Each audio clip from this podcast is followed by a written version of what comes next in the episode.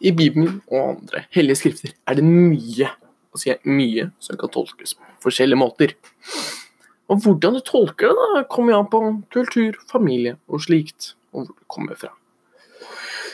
Mange av de som da kriger i verden, særlig Midtøsten, Balkan nå for tiden, eh, er mye av det de mener mye om, som betyr mye om, er religion. Og ofte er de villige til å dø for det her. Mange viser til at det er noe galt med kulturen og religionen deres. Og det er noe galt i religion generelt, i tilfeller. Men kan da Bibelen og andre hellige skrifter begrunne eller oppfordre til krig, folkemord, overgrep osv.? Det der kan vi da ta en liten titt på gjennom de neste minuttene. Så kan vi allerede se da, i fjerde Mosebok, kapittel 31, så har vi allerede et eksempel på det her. Og jeg sitter Det gikk strid eh, mot Midian, slik Herren hadde pålagt Moses å drepe alle men mennene der. Sitat slutt. Dette er bare et lite utdrag, men ut fra det her så ser vi ord som da strid, drepe. Og dette er også da lagt i kontekst med at det var Herren som hadde da pålagt dem å gjøre av dette, altså Gud. Og da siden Guds, Guds ord er evige, så er det egentlig sånn at dette gjelder for, fremdeles nesten i dag. Og dette kan da eventuelt militsgrupper, små militære grupper, se på som en oppfordring til da å drepe og krige. Og fremdeles, i samme uh, bok, så ser vi Har dere latt alle kvinner leve? Spørsmålstegn. Husk at det var disse som på Biliams ord lokket israelittene til å være troløse mot Herren den gangen ved Peor. Så det brøt ut pest i Herrens menighet. Drep nå alle guttebarn og alle kvinner som har ligget med menn. Siden slutt.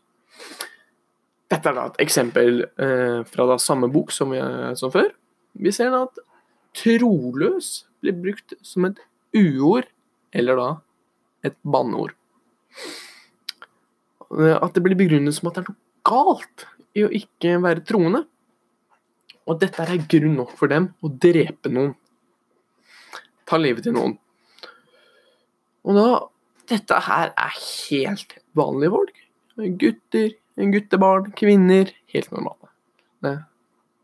Sivilister.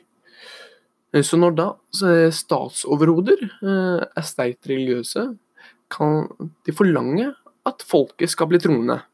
Og når staten Når da folk ikke har lyst til å bli troende, så, og staten dreper dem, så er, resulterer det da til folkemord. Dette her har jo egentlig Akkurat det som skjedde, har skjedd i Norge. Når eh, Norge skulle bli kristent.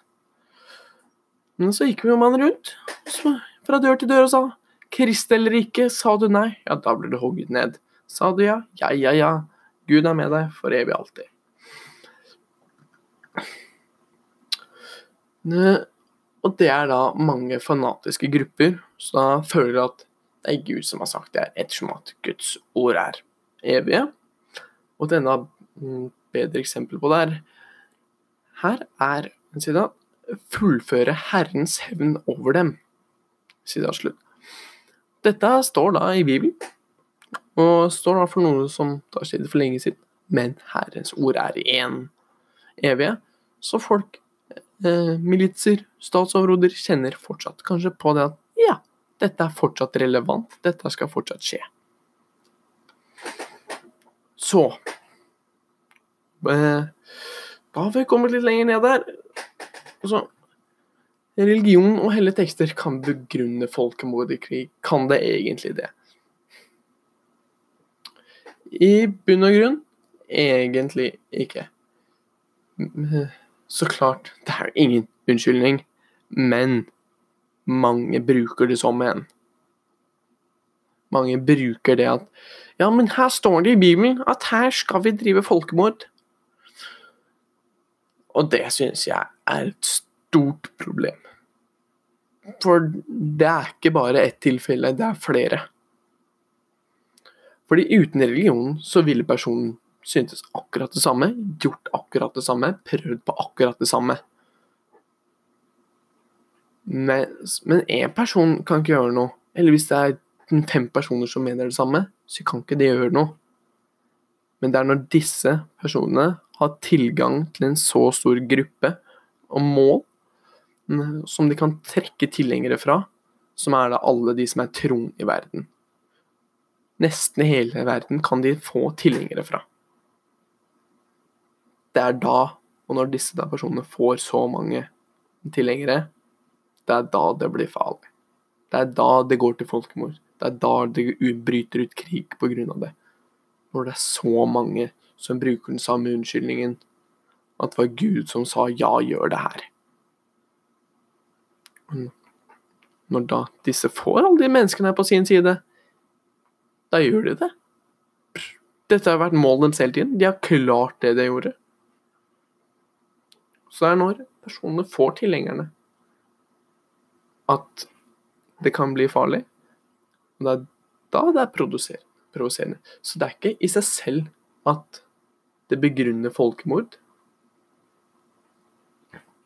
Eh, at det er noe ille i seg selv. Men når så mange ser på det her og tenker ja, de er villige til å dø for religionen sin. Ja, men ja, her står det jo at vi faktisk skal gjøre det her. Nei, men da må vi gjøre det, da. Og når folk er overbevisende, og når det er jo et gruppepress når først flere tusen har gjort det, da vil gjerne sånn, kanskje noen tusen til. Og et eksempel egentlig på det her er jo IS. Den islamske stat, som de kaller seg. Hvis jeg ikke kan komme på noe bedre eksempel, så er det i hvert fall det. Ja, da var det her slutt. Det var en fin prestasjon.